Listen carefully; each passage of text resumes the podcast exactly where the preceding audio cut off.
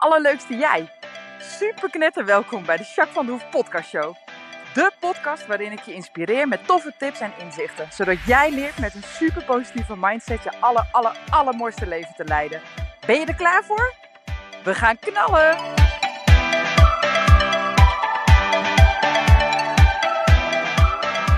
Hey, hey, hey, alle allerleukste jij. Super mega welkom bij deze nieuwe podcast.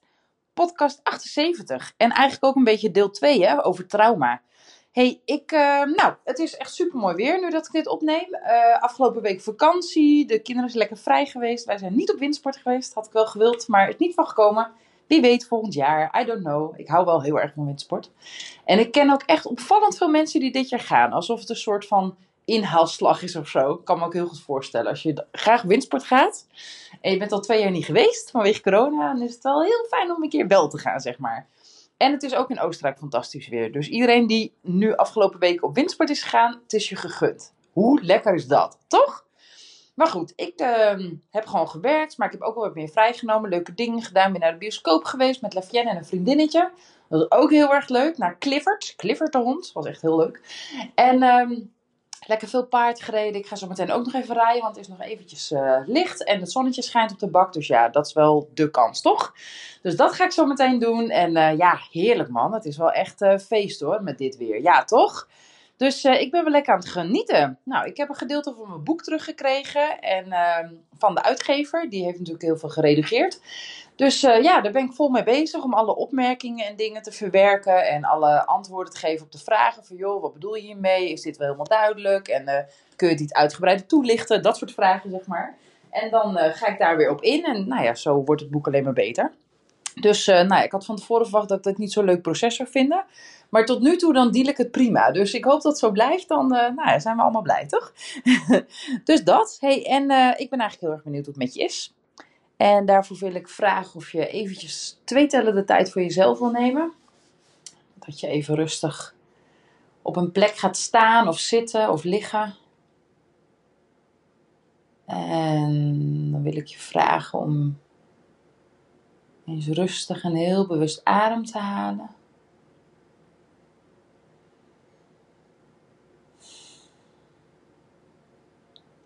En check maar eens in in je lijf.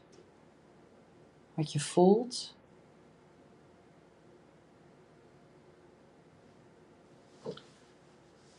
Als je zo je hele lichaam scant, ook aan de binnenkant.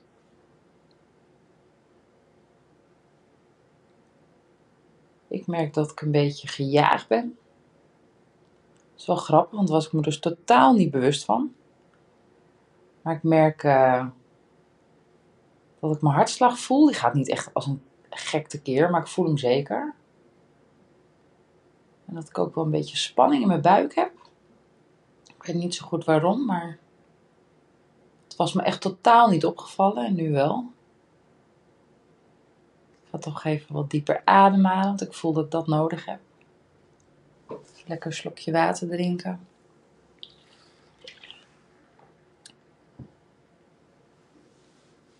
Ja, mooi. Nu zak ik ook een beetje.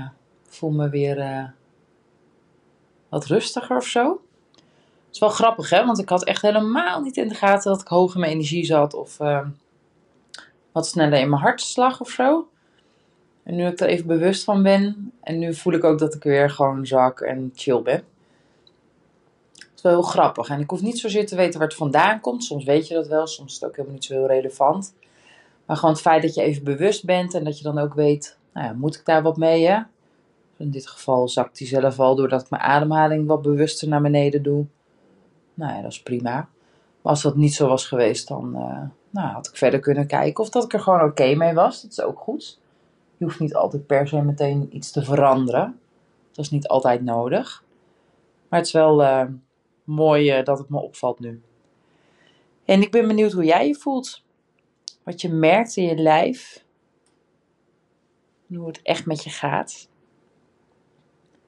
En of je wat te doen hebt of dat het helemaal oké is. Oké. Um, hoogtepuntje van de week.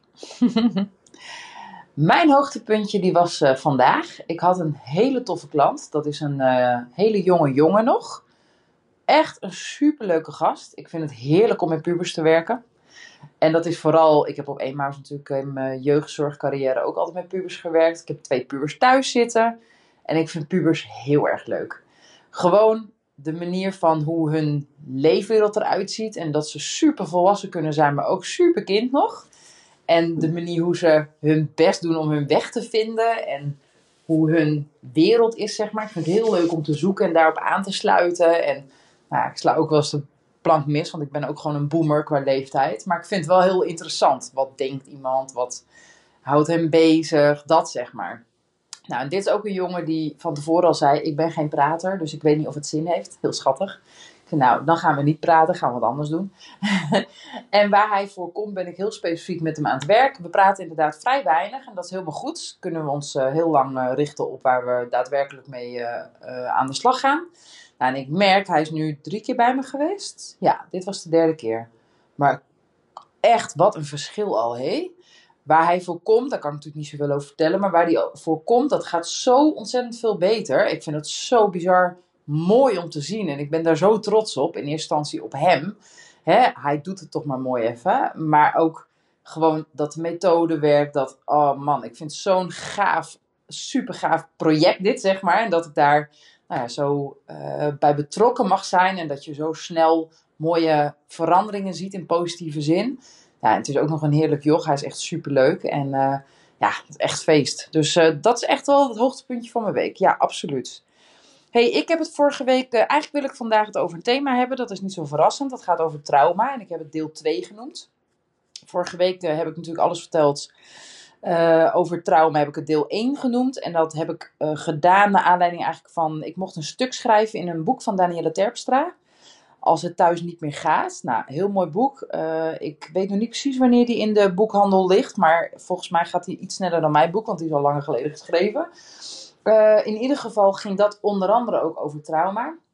En naar aanleiding daarvan uh, uh, mocht ik een stuk mooi stuk schrijven over paardencoaching en EMDR. Dus dat heb ik ook gedaan. Dat wordt ook gedrukt. Dat wordt meegenomen in het boek. Echt super gaaf. Maar toen was ik dus wel iets meer bezig met trauma. Ook omdat ik natuurlijk regelmatig met trauma te maken heb. En toen dacht ik, ah, oh, daar moet ik wat mee. Dus dat ben ik gaan doen. ook in praktijk achter de scherm ben ik er ook mee bezig om daar meer mee te doen. Want ik denk dat het wel heel waardevol is. Dus ik heb daar denk ik wel een steentje aan bij te dragen. Zeker omdat er superveel mensen met een trauma zijn. En zeker omdat er heel veel vormen van trauma ook zijn. Hè? Nou, ik had er van de week met mijn moeder over. Die zei van ja, misschien is iedereen wel een beetje getraumatiseerd. Heb je iedereen heeft wel eens wat meegemaakt wat, nou ja, wat zeg maar toch wel een trauma is. En soms zien we dat niet altijd zo. En je hoeft het ook niet nou ja, zo te labelen als oh my god, ik heb een trauma. Maar het is wel, nou ja, eigenlijk bijna iedereen is wel op een bepaalde manier beschadigd of heeft iets opgeslagen vanuit een angst of een verdriet. Of ja, dat, dat kan bijna niet anders. Je kunt niet volledig onbeschadigd door het leven gaan. En ik denk dat je het, als het al zou kunnen, dat je het nog veel zwaarder hebt. Want hoe ga je dan om met ooit een tegenslag of ooit een keer als iets anders loopt? Of nou, ik denk dat ik dan jou niet wil zijn als je nog nooit wat mee hebt gemaakt, wordt het nog veel moeilijker. Dus, maar inderdaad, heeft mijn moeder echt super gelijk in. Dat was een mooi gesprek. Ik denk dat dat ook echt zo is. Ja, absoluut. Hey, vorige week heb ik natuurlijk wat meer verteld over wat trauma dan eigenlijk is hè, en hoe het dan ontstaat en welke soorten trauma er zijn en wat voor symptomen. Heb ik ook wat meer uitgelegd over symptomen bij kinderen. En daar heb ik veel, echt wel vijf reacties op gehad. Dat mensen zeiden van, joh, ik heb je podcast geluisterd. En die symptomen en het trauma was heel herkenbaar. Of ik vond het mooi dat je het deelde. Of dat soort reacties. Maar ook verschillende die zeiden, joh, dat je ook nog een stukje vertelde over hoe kinderen het uit bij kinderen, die symptomen. Dat herken ik heel erg. Of jeetje, ik kon ineens plaatsen waarom nou ja, een bepaald kind heel, uh, heel weinig zegt of gesloten is, of dan begint te huilen of zich afzondert. Of ja, en dat er toch heel vaak ja, toch een vorm van trauma achter zit. Dus dat was voor mensen echt wel verrassend, kon ik merken. Dus ik ben blij dat ik dat benoemd heb. Want het is dus inderdaad goed, hè? Als je het herkent, is wel de eerste stap om er überhaupt wat mee te kunnen doen, toch? Vandaag deel 2. Wat ik vandaag met je wil bespreken. Uh, nou ja, hoe ga je om met trauma?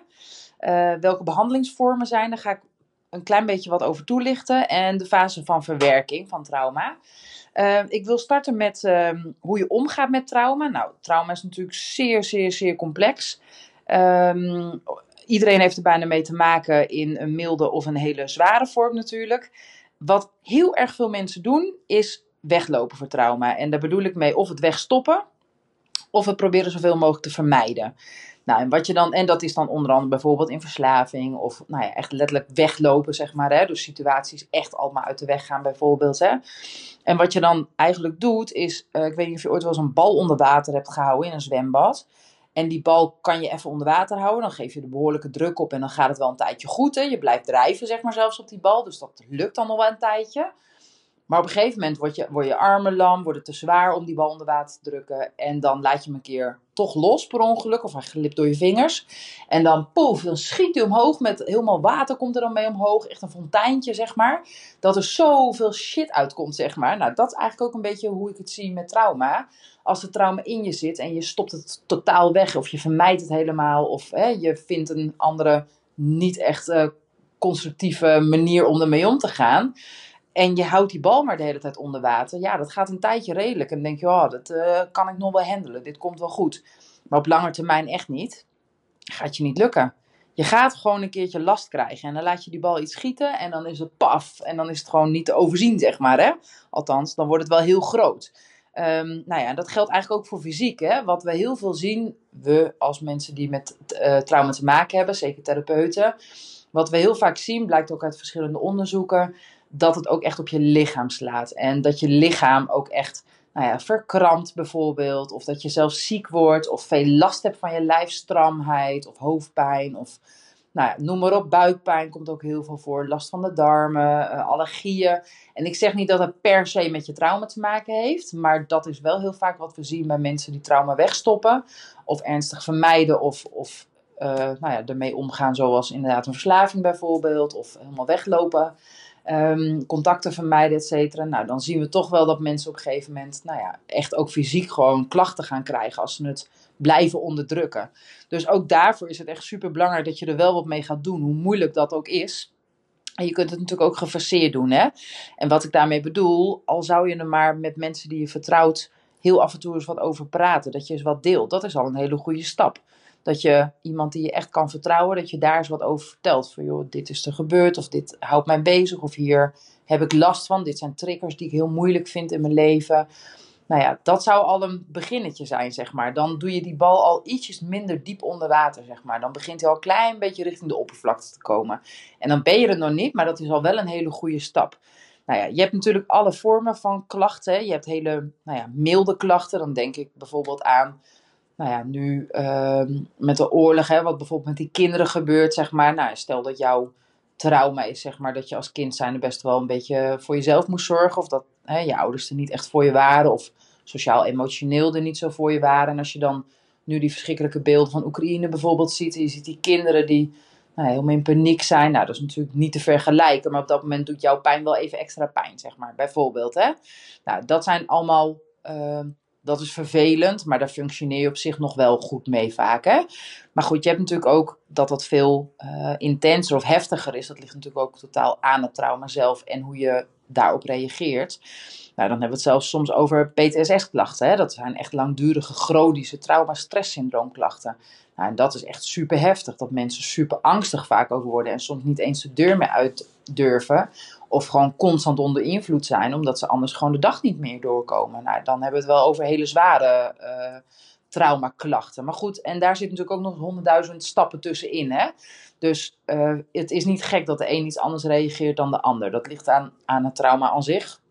Dat ligt aan de manier hoe jij ermee omgaat. En dan heb je natuurlijk ook nog een stukje uh, genetisch. Hoe ben jij in aanleg, zeg maar? Wat is je karakter? Ben je vrij positief ingesteld? Of vind je, heb je veel nou ja, dat dingen zwaar zijn of dat je het moeilijk vindt om met dingen om te gaan, zeg maar. Dat maakt ook allemaal nog uit. Je omgeving, hè, hoe gaan andere mensen ermee om en met jou om in die situatie. Dus ik kan daar niet zomaar één antwoord op geven, maar dat hangt gewoon van meerdere factoren af. Maar je hebt in ieder geval allemaal vormen daarin. Dus het is ook goed om je te realiseren dat als jij denkt, oké, misschien heb ik wel een beetje trauma gerelateerd. Maar ach, weet je, als je kijkt naar mensen die uit de veteranen die uit de oorlog terugkomen. Nou, dan uh, valt het uh, met mij allemaal zap mee. Als je dan een keer de deur hard dicht doet, dan, nou ja, dan zijn ze in hun beleving weer helemaal in de oorlog, bij wijze van spreken. En nou ja, dus dan is bij mij helemaal niks. Er is niet zo heel veel aan de hand, zeg maar. Ik kan hier prima mee leven of zo, weet je. Nou ja, dan kan het dus wel zijn dat je er toch echt wel last van hebt. En dan zeg ik niet per se, jij moet je wat mee, want je moet van mij helemaal niks. Maar goed, het kan wel uh, slim zijn om er in ieder geval eens over te praten. En eens kijken hoeveel last je er dan van hebt. Hè? En of daar iets meer voor nodig is. Of dat je er met een klein beetje bewust en misschien wel tips gewoon goed mee om kan gaan.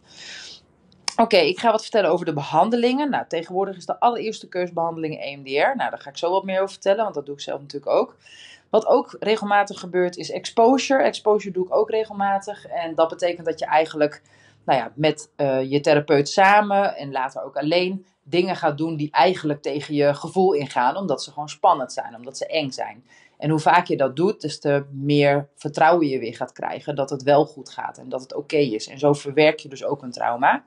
Um, nou, voor de rest, eh, de, en exposure kan trouwens virtueel of reality. Dus het kan zijn dat we onze ogen dicht doen en dat we doen alsof we in een bepaald trauma zijn, zeg maar. Of eh, in een bepaalde situatie zijn, bedoel ik, sorry, met triggers. Uh, het kan ook zijn dat je daadwerkelijk inderdaad iets gaat doen. Hè? Als jouw trigger is drukte, dan kan het maar zo zijn dat je in exposure eventueel met je therapeut samen of, of FaceTimend bijvoorbeeld, dat je therapeut op afstand bij je is bijvoorbeeld. Uh, of dat als je al zo, zo ver bent dat je het zelf kan met uh, nou ja, een beetje achtergrond zeg maar, van je therapeut. En dat je dan bijvoorbeeld juist een drukke ruimte opzoekt. Of dat je juist uh, de stad in gaat terwijl het hartstikke druk daar is bijvoorbeeld. Hè? Nou, dat zijn allemaal mogelijkheden. Uh, dan heb je verder cognitieve gedragstherapie. Dat is heel lang de nummer 1 geweest. En dat is tegenwoordig echt niet meer zo. Ik zeg niet dat het niet helpt, maar cognitieve gedragstherapie zijn eigenlijk uh, dat je bewust wordt van wat je dan denkt. En dat je dan vervolgens ander gedrag dan kan aannemen. En dat is zeker effectief, dat blijkt ook nog steeds. Alleen het is vaak uh, een vrij langdurige therapie. Cognitieve therapie, gedragstherapie, dat duurt heel vaak een jaar of anderhalf jaar intensieve behandeling met één of twee keer in de week zelfs met later vaak wel iets afbouwen, maar het is vaak wel een hele intensieve therapie. Dus daar wordt niet snel meer voor gekozen, maar het kan zeker in ieder geval. Nou, wat heel erg veel gebruikt wordt ook is PMT, dat is uh, psychomotorische therapie, dus dan is het eigenlijk lichaamsgericht zeg maar, hè, want trauma slaat op in het lichaam, waar ik net al wat meer over vertelde. Uh, en daarmee is een, uh, nou, een PMT-gerichte therapie natuurlijk wel heel waardevol. Hypnose doe ik ook inderdaad. En zien we ook gewoon goede resultaten mee. In hypnose kun je echt heel veel oplossen. En, en omdat je met je onbewuste werkt, kun je echt een, nou ja, een nieuw verhaal. Dus het is verwerken, maar ook gewoon een nieuw verhaal, zeg maar, creëren. Dus dat is heel waardevol. Nou ja, paardencoaching natuurlijk komt steeds meer in, wordt ook steeds meer gebruikt voor, um, uh, voor traumaverwerking. En dat is niet per se het doel waarom we paardencoaching inzetten. Maar het is wel vaak een heel fijn bijeffect. Dat er toch echt wel veel gebeurt in de verwerking. Plus, paarden nemen natuurlijk spanning af. Nou ja, hè, als je trauma hebt, dan zit het opgeslagen in je lichaam. En je lichaam wil ontladen. Dus uh, door te schudden, door te gapen, door te extra vaak te plassen, te poepen, uh, dat soort dingen. Uh, door te zweten, door te huilen. Nou, dat zijn allemaal manieren hoe je lichaam de ontlading doet, zeg maar. Nou ja, en bij het paard uh, gebeurt dat veel vaker. Plus dat het paard zelf ook spanning van je af kan nemen. Nou ja, hoe lichter jouw lichaam is, des te beter je ook nou ja, met de effecten van trauma om kan gaan. Dus in die zin is paardencoaching echt wel een heel mooi middel om in te zetten uh, voor traumabehandeling. Nou, NLP wordt natuurlijk ook regelmatig ingezet. Dat is eigenlijk zeg maar dat je nieuwe plaatjes gaat creëren over een oude plaatje heen. Of een oud plaatje gaat wissen en daar een nieuw plaatje overheen gaat zetten. Heel interessant. Zet ik trouwens ook iets heel anders, maar in uh, paardrijden zet ik die ook heel veel in. Dus dat je al voelt en dat je al weet, een plaatje hebt, zeg maar, hoe het moet zijn, het rijden, waar je naartoe gaat, zeg maar. Dan lukt het ook veel makkelijker. Dus NLP zijn wel hele mooie technieken. nou, mijn, uh, uh, wat ik veel inzet voor trauma is EMDR wat met EMDR gebeurt. En dat kun je ook wat meer over op mijn website zien als je dat wil. En er zijn heel veel, is heel veel informatie over. Op social media deel ik daar ook heel veel over. Maar wat je met EMDR doet, is eigenlijk uh, het vervelende moment. Dus eerst vraag ik alles goed uit. En we geven ook cijfers. En we doen een negatieve cognitie uitvraag en een positieve cognitie. Nou, jij zit daar, ik vraag dingen en je vertelt. En dan haal ik dat er allemaal uit, zeg maar. Uh, en dan op een gegeven moment gaan we starten. Dan ga ik jou eerst... Um, nou in het vervelende moment zetten, zeg maar. Dus waar de spanning zit. En dat kan het trauma zelf zijn, dat kan ook de, het voortvloeien van de trauma. Dus stel dat jij altijd getriggerd wordt door auto's in het verkeer of zo. Nou, dan kan het ook zijn dat ik met een auto ga werken, omdat dan jouw spanning snel omhoog schiet. Nou ja, in dat geval zet ik jou dus in de hoogste spanning. Dat is ook het moeilijkste stukje van de hele EMDR-therapie.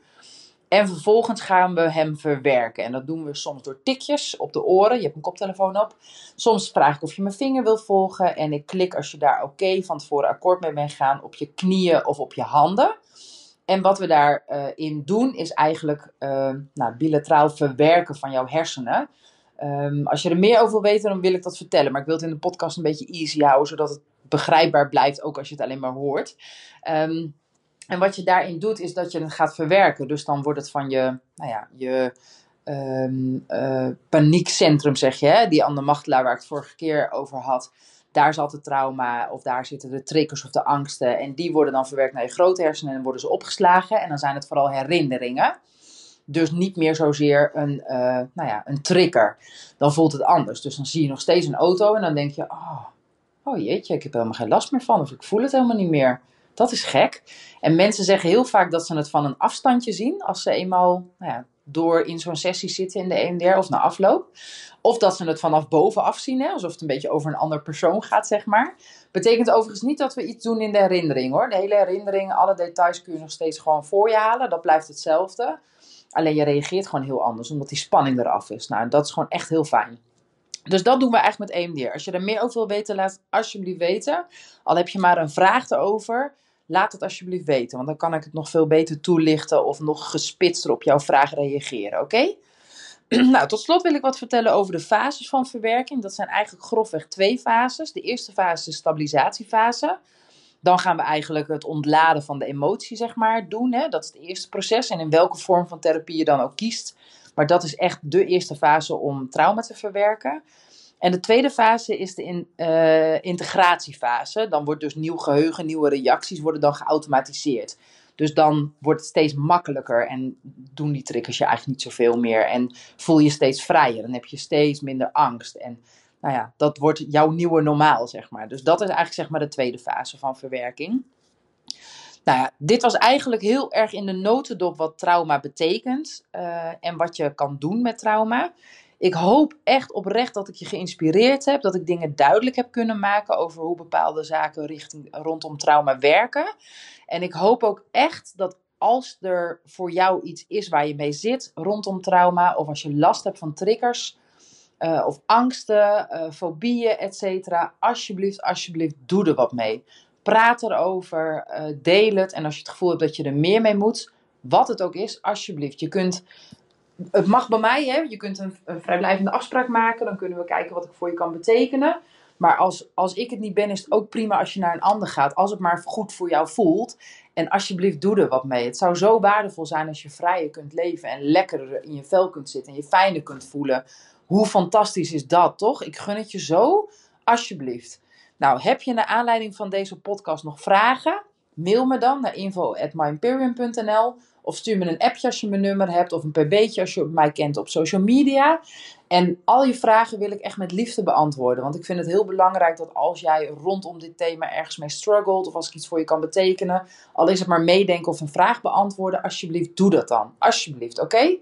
Nou, ik wil je super bedanken voor het luisteren. Uh, opnieuw was het weer een uh, heel serieus uh, thema, maar wel goed denk ik dat ik hem behandeld heb. Mocht het nou zo zijn dat er naar aanleiding van deze podcast of de vorige nog heel veel vragen komen of dingen waarvan ik echt denk, oké, daar moet ik nog even apart op inhaken, dan ga ik dat met alle liefde doen. En zo niet, dan ga ik volgende keer weer gewoon een totaal ander onderwerp kiezen en wordt vast ook weer heel interessant. En nou ja, goed, ik wil je in ieder geval oprecht super bedanken voor je aandacht, voor je tijd, voor je energie. En uh, ik uh, spreek je volgende week. Hele fijne dag. Doei!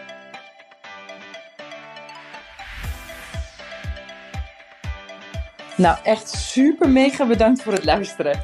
Hopelijk heb je er heel veel aan gehad. En weet je, elk inzicht wat je krijgt is er één. En dat kan al super waardevol zijn. Wil je nou meer inspiratie? Of wil je door mij gecoacht worden om jouw issues om te draaien tot een kracht? En zo je echt de aller, allermooiste leven te gaan leiden? Nou, kijk dan op www.myimperium.nl of volg me op Facebook, My Imperium, of Instagram, Jacques van der Hoef. Nou, en tot slot, deel alsjeblieft deze podcast met alle mensen waarvan jij denkt, oh, misschien is dit waardevol voor die persoon. Want zo help je mij onwijs mijn bereik te vergroten. En help je al deze mensen om extra inzichten en inspiratie te krijgen waar ze hopelijk heel erg veel aan hebben. Dus alsjeblieft, alsjeblieft, doe dat. En tot de volgende podcast. Doei doei!